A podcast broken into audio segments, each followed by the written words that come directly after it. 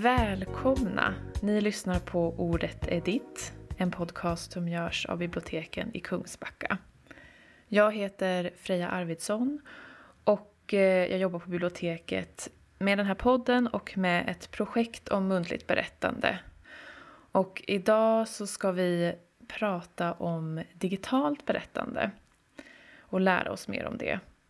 Och det känns väldigt kul att ha med mig två experter på detta, nämligen Lisa Karlsson och Isabelle Kristensen, som båda jobbar här på biblioteket med programverksamhet för barn och unga eh, och med digitalt berättande, digital kompetens och tillgänglighet. Varmt välkomna hit! Tack! Tack så mycket! Jag ska också nämna att vi spelar in det här avsnittet på distans, så om det låter lite annorlunda så kan det vara därför.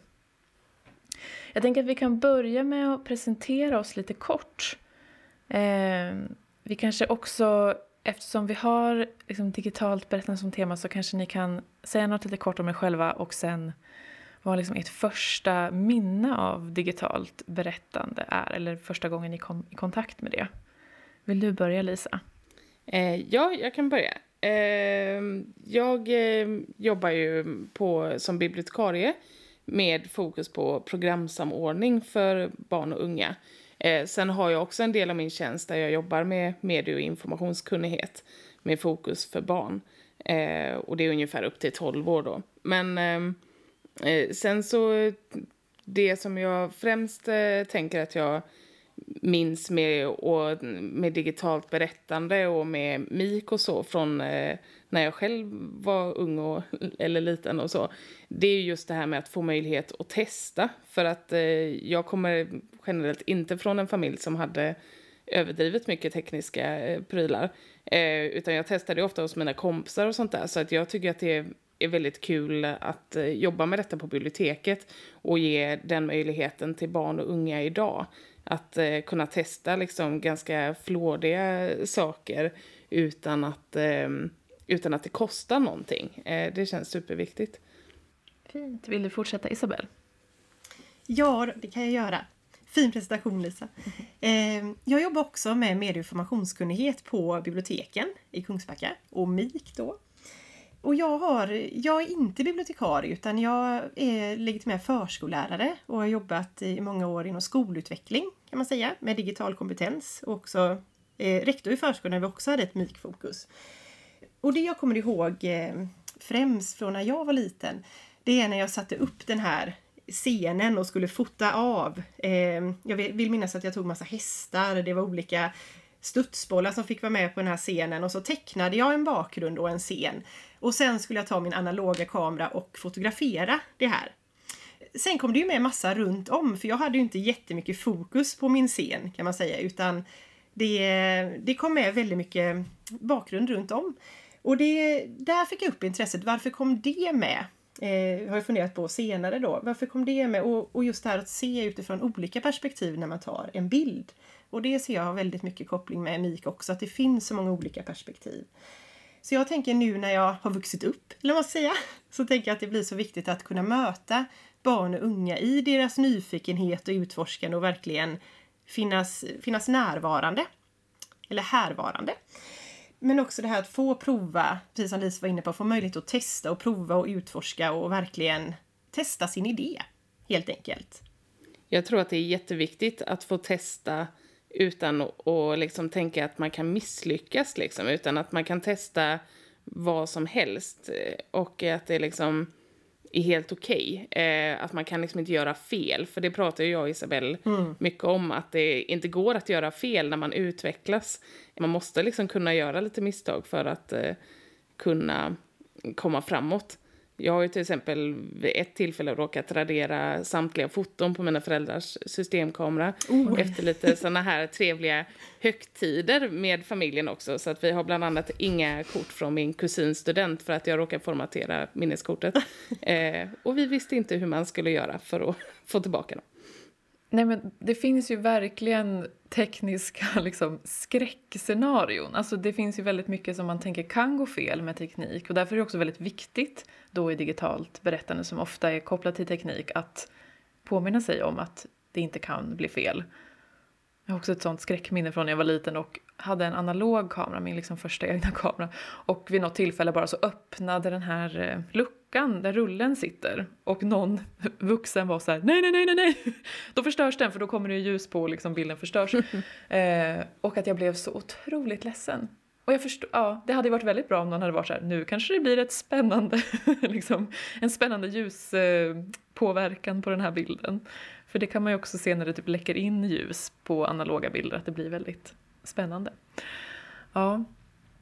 Min relation till digitalt berättande är ganska mycket genom att jag med kompisar när jag var liten började göra egna små filmer. Att vi liksom gjorde små filmer med våra ganska, vi hade någon digitalkamera i familjen som vi liksom kunde, kunde använda för att spela in små filmer och klippa ihop dem i, i sådana enkla gratisprogram.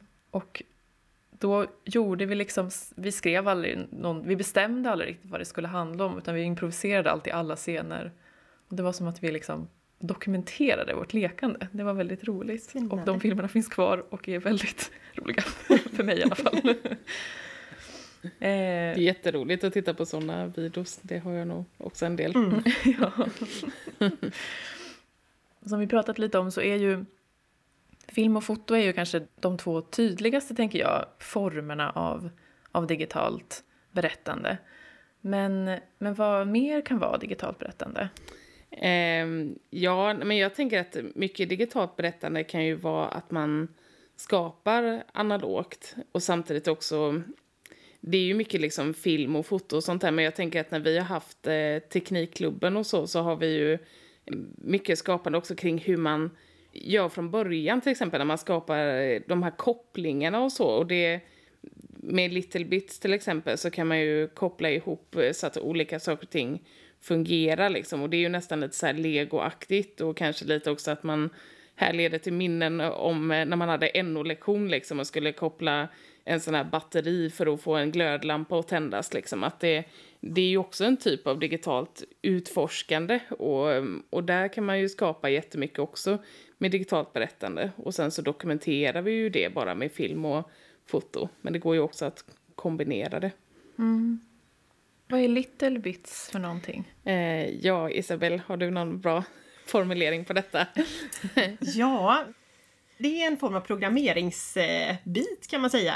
Eh, men du kopplar ihop och bildar liksom en, en krets så att du sen genom ett batteri då kan påverka en annan del i den kretsen. Mm. Men lite som sagt med det här eh, som om man har gjort det någon gång, att man har kopplat ett batteri till en glödlampa på sin eh, NO-lektion i grundskolan så funkar det ju lite på samma sätt, att man ska förstå att det finns olika delar som man kan sätta ihop på ett särskilt sätt för att få det att leda ström från ett batteri till en lampa eller till en tuta eller fläkt eller någonting. Och här finns det ju små delar som du kan reglera till exempel att eh, det finns små bitar som är en fläkt också till exempel där du kan öka styrkan på den fläkten och sen skapa nya innovationer av det. Vi hade ett barn som skapade en popcornmaskin på Teknikklubben.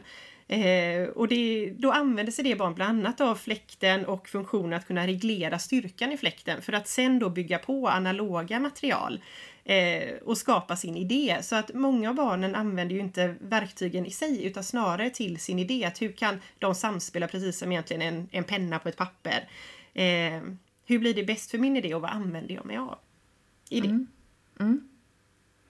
Isabel, vill du lägga till någonting på vad som kan vara digitalt berättande? Ja, men jag har några exempel. Jag tänker eh, bildmanipulering också, men det har ju precis koppling med film och, och foto också. Eh, men just det här att till exempel om ett barn ser en filmaffisch på stan, eh, att faktiskt själv kunna undersöka och se hur kan man skapa den affischen. Det kanske är en superhjälte som är i rymden eller, eller något liknande. En superhjälte som är på bibliotekens tak. Eh, fantasin är oändlig där. Eh, men jag tänker också det att eh, hur skapar man de bilderna själva för att kunna förstå hur de är uppbyggda och kunna ta del av andra som har skapat bilder till exempel. Att hur är de uppbyggda och, och kunna på så sätt ha ett kritiskt tänkande samtidigt som man skapar möjlighet för att skapa digitalt innehåll som är en del av MIK. Mm. Så det skulle jag vilja säga. Ja, tack. Nu har vi nämnt MIK två gånger i alla fall och jag tänker att alla inte vet vad MIK är för någonting och vad det står för. Kan inte du hjälpa oss lite på traven, Isabelle? Ja, absolut. Lisa var ju inne på det så bra i början här, att eh, när vi sa medie och informationskunnighet. Så att det är ju förkortningen av det. MIK är en förkortning av det. Och det är, det är ju att själv kunna skapa innehåll i olika medier till exempel. Men också det här som jag nämnde precis att liksom, alltså kritiskt värdera information och kunna analysera och, och kritiskt granska. Men sen också förstå mediernas roll i samhället kan det handla om, men det är ju lite större perspektiv. Och nu är vi inne lite mer på digitalt berättande. Men sen handlar det också om demokrati och kunna göra sin röst hörd. Till exempel. Eh, ja, maximera möjligheter och minimera risker. Mm. Skulle jag säga. Ja precis, det är ju som att Mikael då, medie och informationskunnighet, det är ju väldigt, ett väldigt stort område som fångar in väldigt mycket och väldigt mycket kunskap, liksom kompetens och väldigt mycket arbete med att liksom förmedla den här kunskapen och kompetensen och det kritiska tänkandet och så. Och sen är ju digitalt berättande liksom en del av det. Absolut. Eh, vi har också varit inne lite på hur eh, ni jobbar med, med digitalt berättande eh, på biblioteket. Men hur ser det ut liksom nu, nu under den här våren som har varit? Hur, vad har vi jobbat med för någonting då inom digitalt berättande? Lisa, du som är, ja, du som är programansvarig, vill du börja? Eh, jo, men och det har ju varit lite en utmaning just alltså, vi har ju jobbat mycket med och nå de yngre barnen eh, förra våren liksom, så att, eh, att alla ska få möjlighet att testa. Och då har vi ju kunnat ha liksom spannet 0 till 100 år, men eh, nu har vi ju särskilt inför det vårens program kanske höjt den här åldern för att barnen ska kunna vara med själva och hantera tekniken också, men ändå lära sig något nytt och så. Så att vi har ju bland annat eh, ritkurser då, eller ritworkshops som vi nu också haft då, där man kan teckna digitalt, eller rita digitalt. Um, men det går ju också att rita analogt och vara med på, på Teams då, på själva workshopen och sådär. Men jag tycker ändå att det är, det är väldigt många barn och unga som hakar på det här. Att det verkar ju inte vara några stora problem att vara med. Eh, och också när man höjer nivån, alltså och åldrarna, så märker man ju att det finns ju barn och unga som är väldigt duktiga som också ansluter till de här mötena. Att det är liksom, åldern spelar inte jättestor roll till exempel. Men sen har vi ju också våra lådor som har börjat med eh, programmering som man kan eh, låna med sig hem. Och det har vi också lånat ut i höstas då till de som var med i Teknikklubben som fick testa de här innan vi färdigställde dem. Eh, med digitalt berättande eh, bland annat. Vad finns i, i lådorna blir jag väldigt nyfiken på nu. eh, I de som vi har eh, färdigställt nu då, så för vi, planen var ju från början då att vi skulle göra olika lådor med material för att öka eh, kompetensen kring digitalt berättande och eh, medie och informationskunnighet. Då har vi ju jättemånga olika lådor, men nu har vi färdigställt de som handlar om programmering främst, för de går att använda utan att ha en iPad eller surfplatta eller telefon. Utan man kan eh, programmera med hjälp av programmeringskort som då finns i. Och det finns också en eh, eh, programmeringstärning till exempel, där man själv bestämmer vad som ska stå på tärningens sidor. Och då kan man ju hjälpas åt att programmera varandra. Men det finns ju också då Bluebots i, i de här lådorna, som är en liten robot som man kan programmera då på roboten. Eh, och det används ju väldigt mycket i, i förskolan, men det är ju väldigt roligt för vem som helst att hålla på med Bluebots. Eh, mm. Mm. Och så finns det också väldigt mycket då maker-material som man kallar det. Alltså när man har makerspace så kan det ju vara att man gör om eh, gammalt till något nytt och sånt där. Och makerspace är ju ett väldigt vitt begrepp också i resten av ehm, eh, världen, eller vad man ska säga. Så att många som har makerspace kan ju till exempel ha att man fyller ett rum med symaskiner och material och så får man göra vad som helst.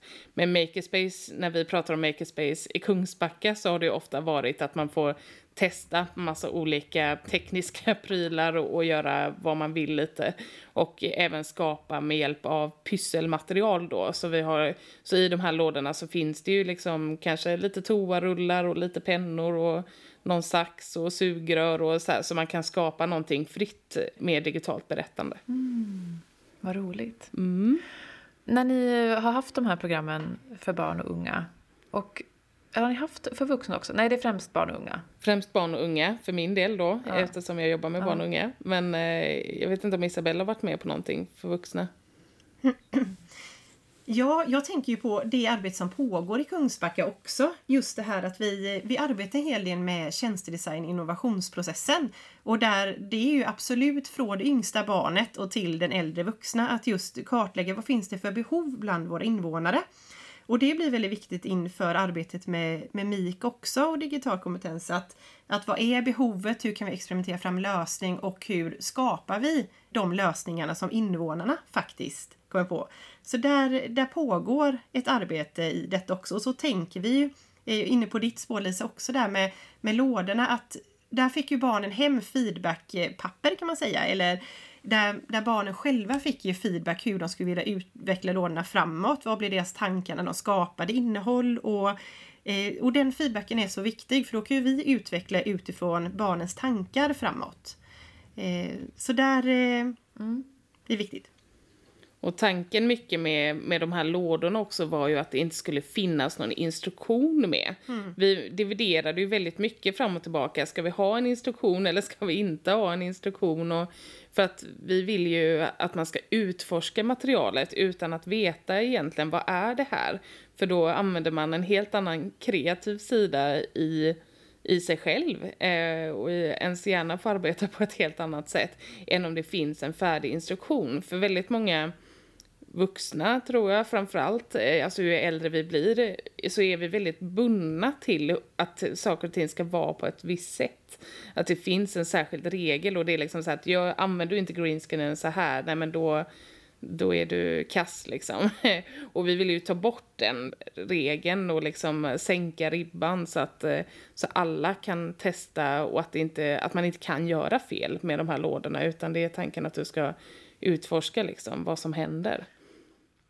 Sen finns det ju också verktyg i form av, av appar för digitalt berättande med. Men där får vi ju hela tiden revidera och utveckla eh, framåt också. Men, men de är ju godkända så de lagrar inte personuppgifter eller så utan då kan du jobba med filmskapande och, och på så sätt bildmanipulering som vi var inne på innan. Men, men precis utifrån barnets eget sätt att vilja jobba med det och undersöka det. Men man skulle till exempel kunna göra för ett exempel då att iMovie finns ju med redan i en surfplatta från början om det är en appversion och där, där kan man lägga på två olika, man kan lägga på en, en och samma bild men sen som har två olika musikstycken, bild eller film med två olika musikstycken för då kan man ju få en helt annan känsla vid ett musikstycke kopplat till bild mot vad du får med det andra filmklippet kopplat till musiken.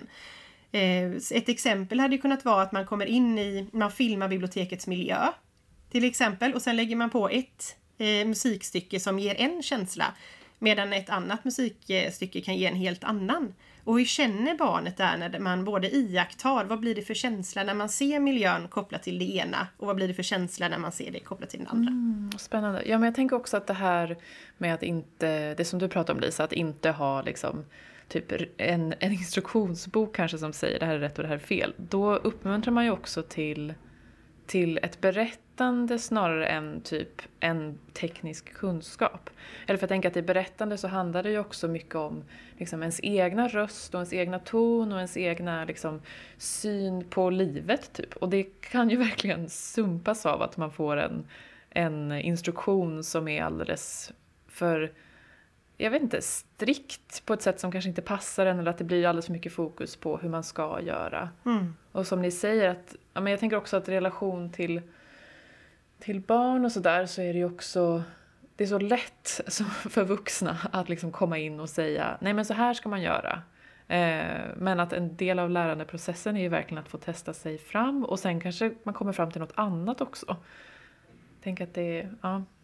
Jag tror väldigt mycket alltså som eh, när vi hade Makerspace på sportlovet förra året så hade vi ju det var ju före pandemin.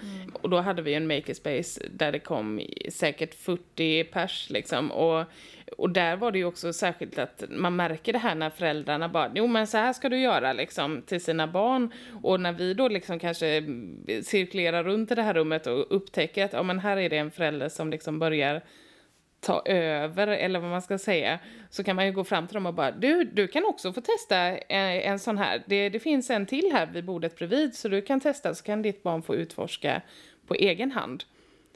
Och då det blir oftast en ganska rolig situation också för att föräldrarna kanske har tänkt att de inte är så intresserade av det här. Det här är ju en aktivitet för barnen.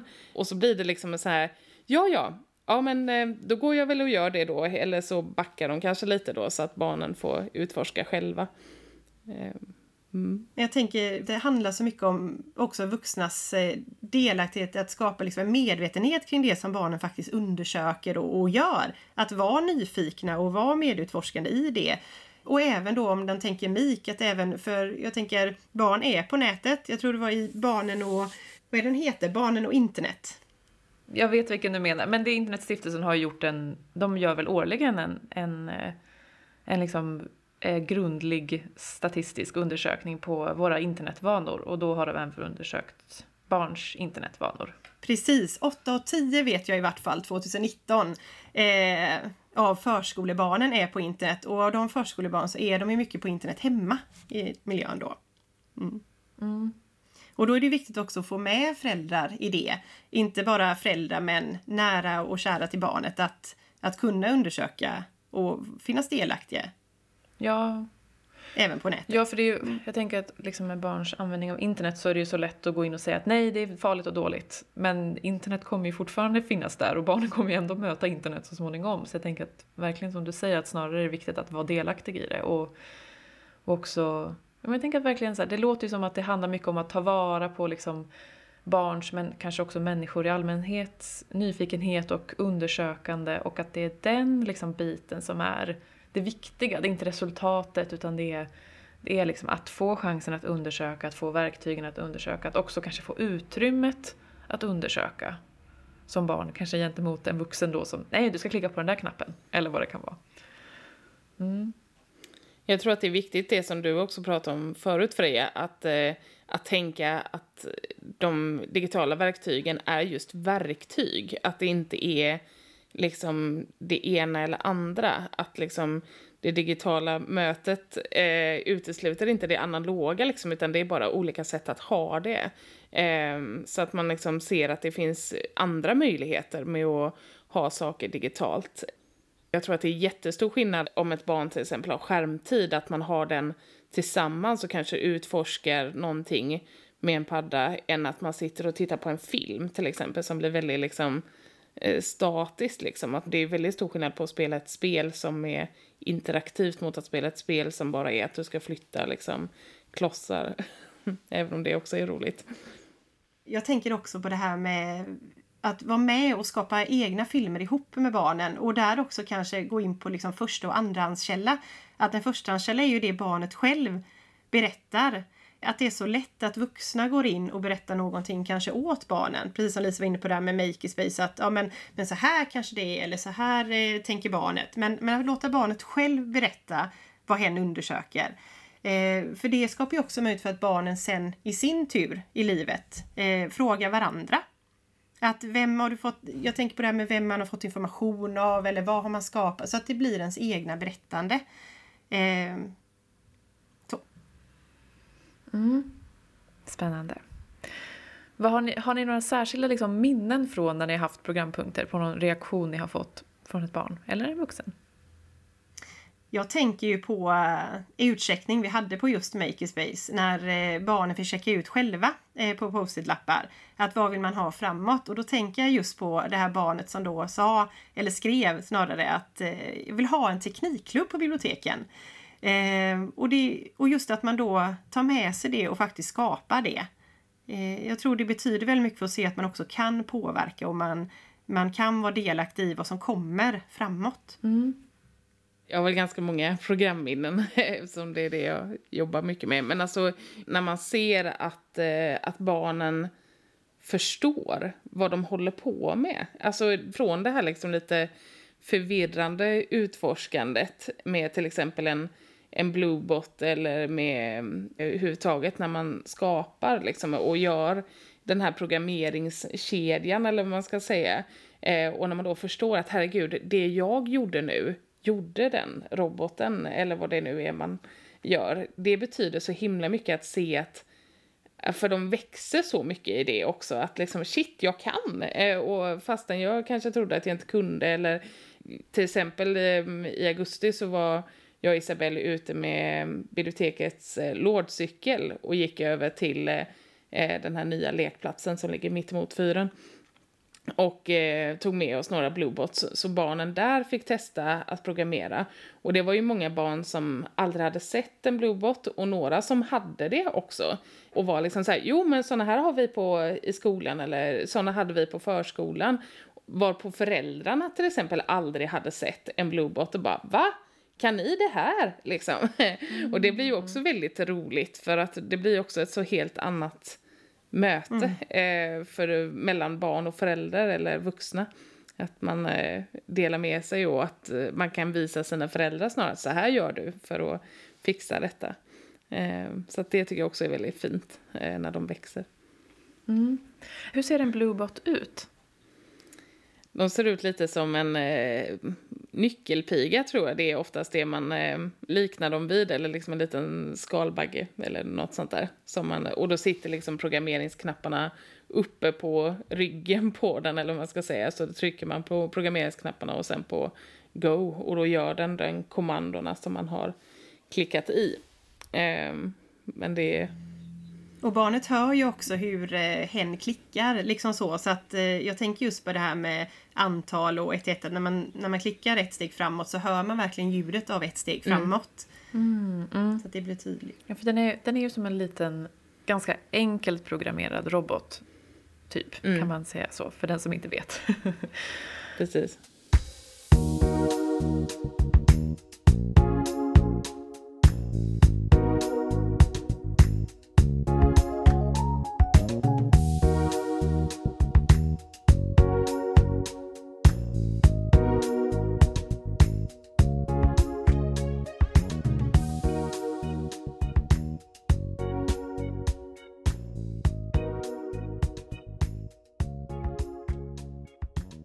Alla vi tre jobbar ju med berättande på olika sätt på biblioteket och vi jobbar ju också på ett bibliotek som är fullt av, av böcker och, och berättelser. Så jag tänker att berättelser är viktigt både för oss men också för de personer vi möter när vi jobbar, tänker jag vi är ganska överens om. Men varför tänker ni att berättande och berättelser är så viktigt för oss? Ja, jag tänker dels för språkutveckling självklart, men sen också, jag tänker barnkonventionen i det hela att yttrandefriheten själv kunna tänka, tycka och, och påverka och reflektera kring detta. Och då eh, dels att ta del av andras berättelser och reflektera kring dem, men också att få tankar och idéer framåt hur man själv skulle vilja skapa egna. Så därför tycker jag det är väldigt viktigt. Mm, någon slags liksom, kommunikation också då i berättandet, att man inspireras av andra och kommer vidare. Precis, reflektioner runt det och, och det här att ta del av olika perspektiv kan man säga men främst där också med, med yttrandefrihet och verkligen reflektionen. Mm. Jag tänker att väldigt mycket med berättande och liksom läsning också för den delen och så hör väldigt mycket med bibliotekens demokratiuppdrag att göra. Att liksom ha, att kunna förstå samhället och förstå sin framtid också på många sätt. Att liksom få samma sorts tillgång till till allt liksom. Både till böcker och till digitala verktyg och till att liksom testa sina vingar innan man måste välja. För det måste vi ju förr eller senare och oftast ganska tidigt. Och ganska tidigt tror jag också att vi liksom blir styrda av samhället. Och jag tycker liksom att det är lite bibliotekens uppdrag att liksom visa att man kan testa vad som helst och att det, att det är okej. Okay. Att det liksom inte är någon prestation på biblioteken utan du kan testa någonting och skapa någonting och det är ingen som bedömer dig efteråt. Och det tror jag är superviktigt för, för barn och unga att känna men även för vuxna liksom att det du får inte sparken om du liksom råkar programmera den här bluebotten fel eller eh, vad det nu handlar om. Och att skapa berättelser med hjälp av maker och, och, och robotar och så, det är ju också superviktigt liksom för själva skapandet och förstå vad en berättelse är och hur filmer görs och så. Och det är ju väldigt många som, eh, alltså på flera bibliotek så börjar man ju mer och mer utforska hur man kan skapa berättelser. Att man kanske läser en bok i början på en programpunkt och så får barnen tolka berättelsen genom att programmera eller filma eller göra stop motion och, och så. Och där är det ju väldigt eh, kul att liksom utforska tillsammans för där tror jag också att man måste ge barn och unga fria händer och bara stå med, med materialet liksom. Mm. Mm.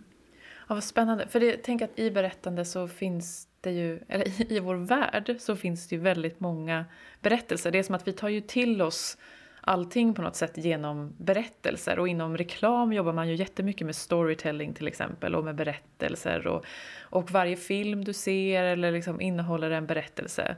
Men ibland kan det ju verkligen vara som att mängden olika berättelser är inte så många. Alltså man tänker den klassiska Hollywoodfilmen så är ju det inte så många olika berättelser utan det är ju ofta en och samma. Eh, och många tror jag känner att deras berättelse kanske inte finns och många kanske känner att, att de inte blir överraskade av berättelser de möter. Och där är biblioteken jätteviktiga tänker jag. Mm. Att vi har otroligt mycket berättelser men att vi också jobb, hela tiden jobbar för att tillgängliggöra de här berättelserna och hela tiden också kritiskt granskar oss själva och tänker på vilka perspektiv vi har och vilka perspektiv vi liksom visar. Eh, jag, det projektet jag jobbar med som också heter Ordet är ditt då, som, samma som den här podden. Där tänker jag otroligt mycket på att liksom försöka få in olika typer av Alltså olika typer av berättelser, att det både kan vara minnen eller livshistorier men också mer liksom inspetsade på ett specifikt ämne. Och det är jättesvårt och jättekul. Och otroligt liksom lärorikt för att jag själv också har fått möta en massa berättelser som jag inte skulle gjort annars. Jag tror vi också behöver gå till vårt eget förhållningssätt just där. Att vad, vad är en berättelse? Att det såväl kan vara genom kameralinsen, att berätta och reflektera kring olika perspektiv som eh, kring bilderboken eller att eh, berätta med film och filmskapande. Att eh, vi uttrycker ju oss på olika sätt och jag tänker det måste vara okej att kunna göra det. Ja, verkligen att man får olika verktyg att berätta. Det, det, är ju inte alla som kan till exempel skriva sin berättelse. För att alla mm. eh, kan inte skriva än eller är liksom, det är inte kanske ens naturliga element. Eh, och, men också att det kanske inte är så man heller uppskattar att berätta. Man kanske vill berätta genom alltså bilder eller vill berätta genom att faktiskt så här, måla någonting och så finns det en motorik mm. i det. Eller man vill berätta genom att typ virka någonting och så kommer det fram liksom någonting i den processen också. Ja. Jag tänker också att liksom berättande och berättelser är ju så det har ju så många dimensioner och är, har liksom ganska mångfacetterat på något sätt. För att jag tänker att ibland så, särskilt kanske när man jobbar mot skolan och så, men, och när man har pratat med pedagoger, eh, så är det ju ofta att man kanske vill ha någonting som är väldigt konkret, alltså en bok eller någonting som är, ja men det här ska handla om att säga tack och förlåt och nu tar vi hand efteråt och bla bla bla liksom. Eh, och, eh, men mycket i liksom berättelser, om man lånar alla möjliga böcker så går det ju att hitta så många olika dimensioner av ämnen och där är ju återigen också det här med att att om man då läser mycket till exempel så har man en större empati och, och liksom känner, kan liksom känna igen olika sorters människor på ett helt annat sätt än om man inte har tagit del av de berättelserna. Och det tror jag är liksom superviktigt, alltså för, för berättelseskapandet också. Att ju, ju mer vi tar del av berättelser och så på olika sätt, och det, berättelser kan ju vara på många sätt och jag tror att särskilt i bibliotekssammanhang så tror ju kanske alla att liksom, ja men alla läser jättemycket bara som jobbar på bibliotek och så men men jag tror också liksom det här med att lyssna mycket på böcker också är det liksom lika väl som att läsa det. Så kan man lika gärna lyssna också.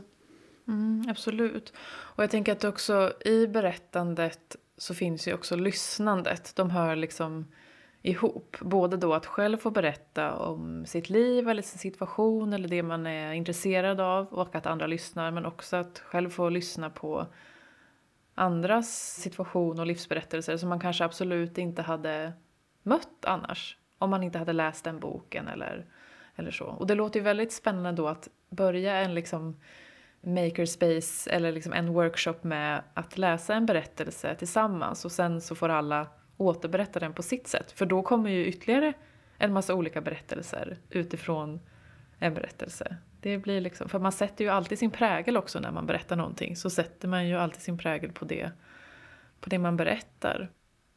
Jag jobbar ju ganska mycket med skrivande och jag tänker mycket på det. Att det går liksom inte att skriva utan att, att man själv också finns där i. Så även om jag liksom inspireras av någonting annat, svarar på en text eller härmar en text så kommer jag och mitt sätt att skriva och berätta på alltid finnas i det.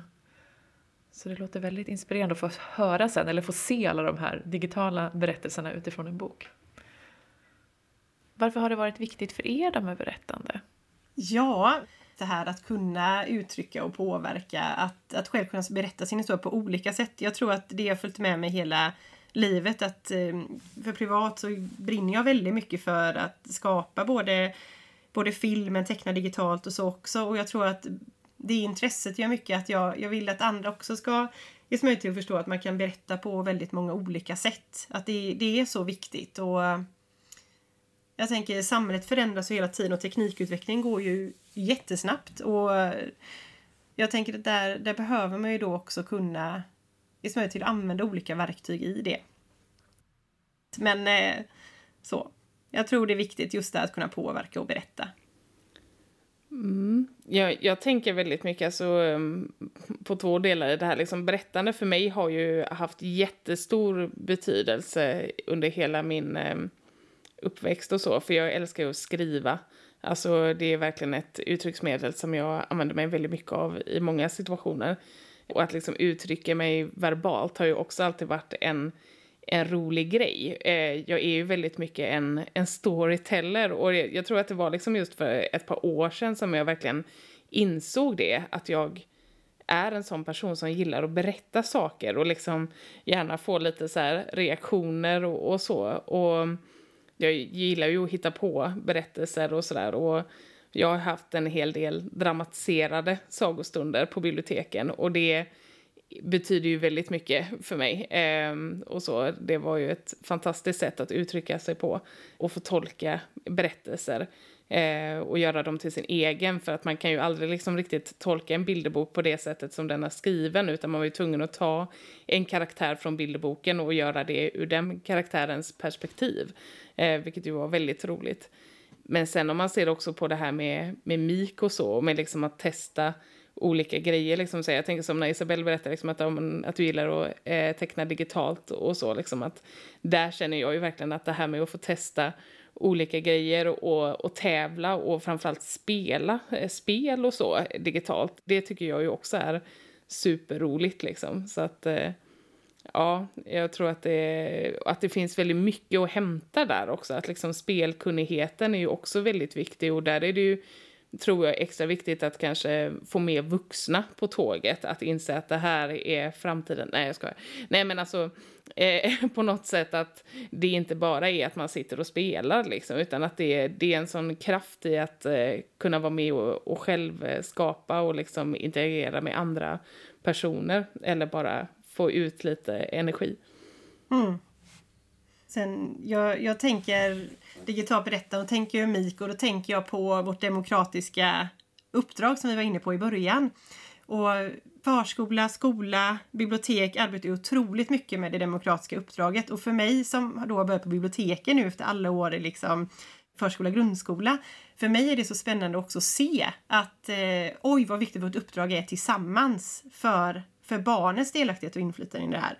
Så vi har ett eh, fantastiskt jobb att göra ihop, tänker jag, för hela samhället. Mm.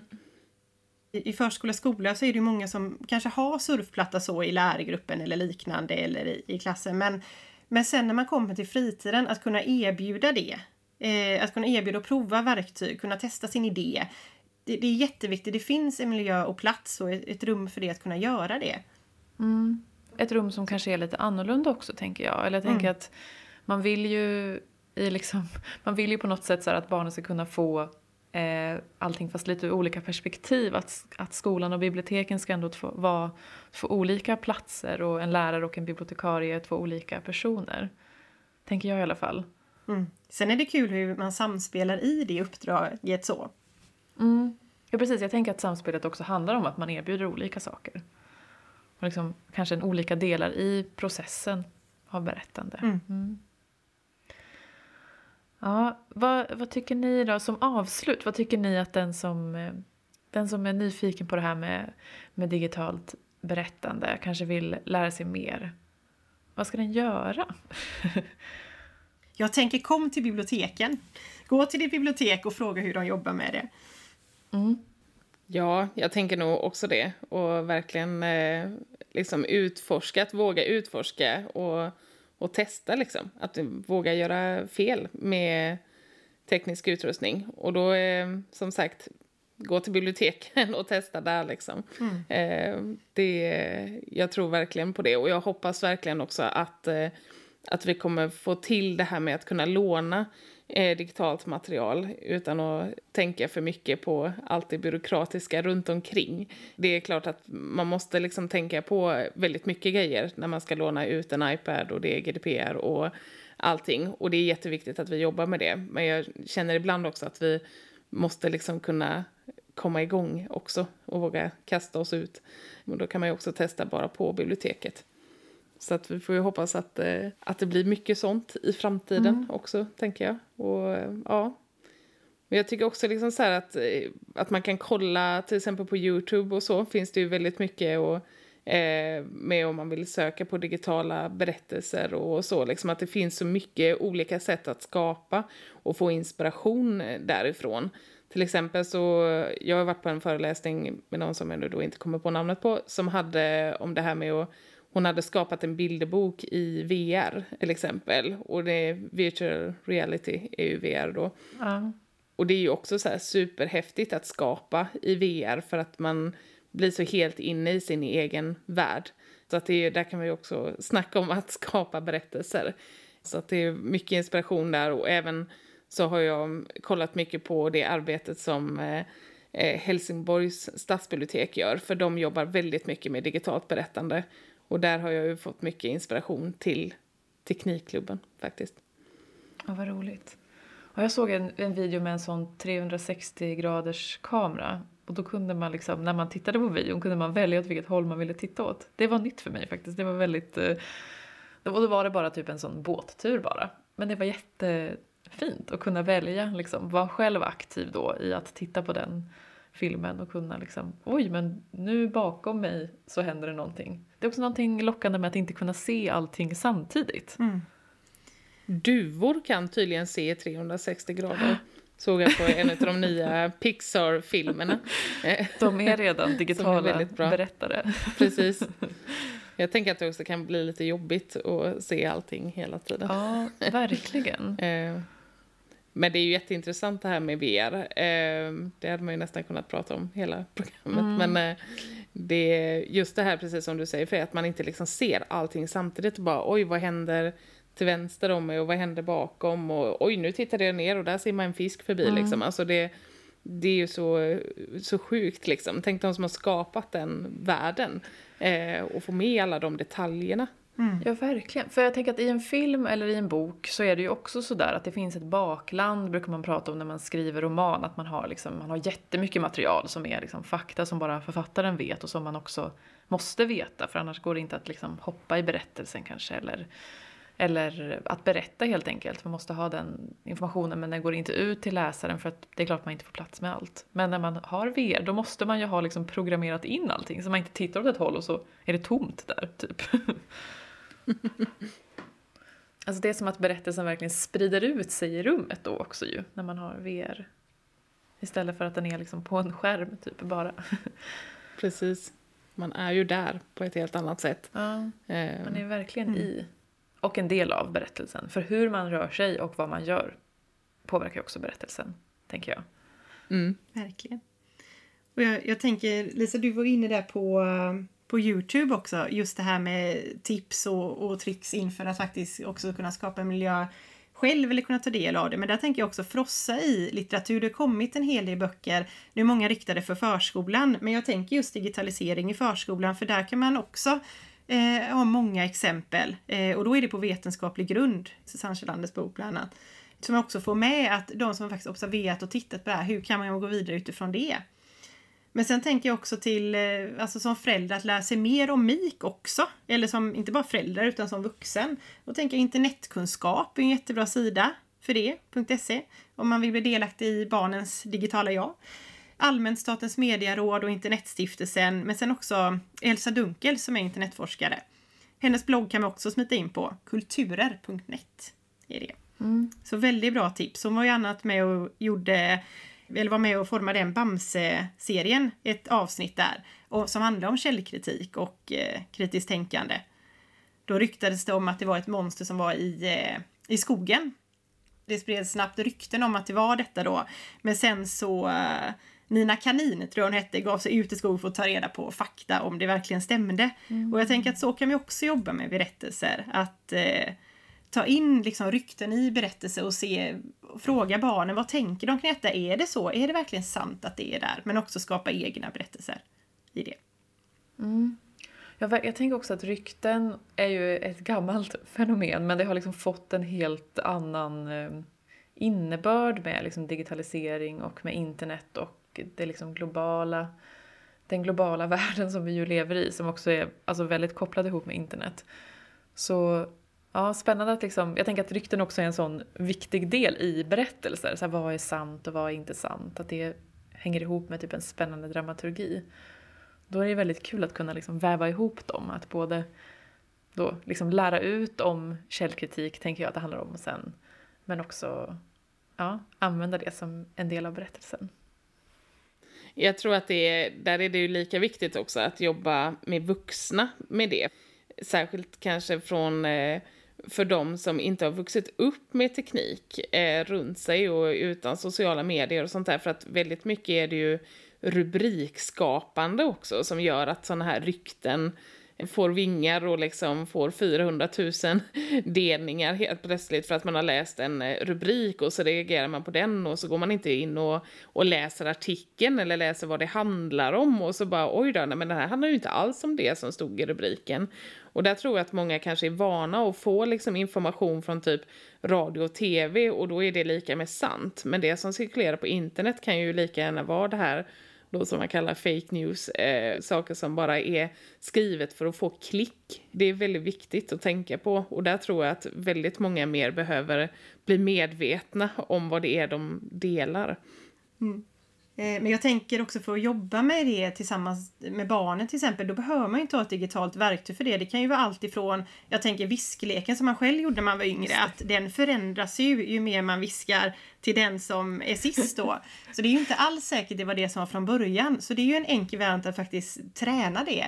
Men, men också till exempel om du arbetar med bildmanipulering som jag var inne på i början, att du kanske fotar av miljön inne på biblioteket men du kanske på nästa bild har satt dit en dinosaurie. Och sen att faktiskt reflektera ihop med barnen kring hmm, ska vi gå på upptäcktsfärd och verkligen kolla, ser det ut så här? Kan den vara där? Eller är det någonting som har lagts till och vem har i så fall lagt till det? Så man kan ju undersöka det genom foton på det sättet. Dinosaurier kanske var lite väl, men man kan ju lägga till en liten detalj som barnen faktiskt sett i, mm. så, i miljön. Det finns väl en dinosaurie utanför fyren i och för sig? Ja, just det. Det gör det. Mm. Den får ni leta efter om ni är i Kungsbacka. Mm. Ja, och jag gillar det här att tänka att, att nu eh, till våra lyssnare då, att det ni får i, i uppgift är att göra viskleken med en källkritisk touch. Börja där i alla fall. Ja. Och sen komma till biblioteket. Mm. När ni är friska. Ja, Tack så jättemycket för att ni har kommit hit. Och, eller ja, kommit hit. Vi har ju suttit på varsitt håll i våra hem men att vi har samlats digitalt. det har varit jättefint att prata om det här och väldigt intressant. Tack så mycket. Stort tack. Och tack till er som har lyssnat också. Eh, om ni vill höra fler avsnitt från Ordet är ditt så går det jättebra att följa oss Eh, både på Facebook men också där poddar finns. Det är bara att söka på ordet här ditt. Eh, och som sagt, kom gärna på våra program. De hittar ni via bibliotekets hemsida på bibliotek.kungsbacka.se. Tack så jättemycket för idag. Jag heter Freja Arvidsson och jag har pratat med Lisa Karlsson och Isabelle Kristensen. Och det här är en podd som görs av biblioteken i Kungsbacka.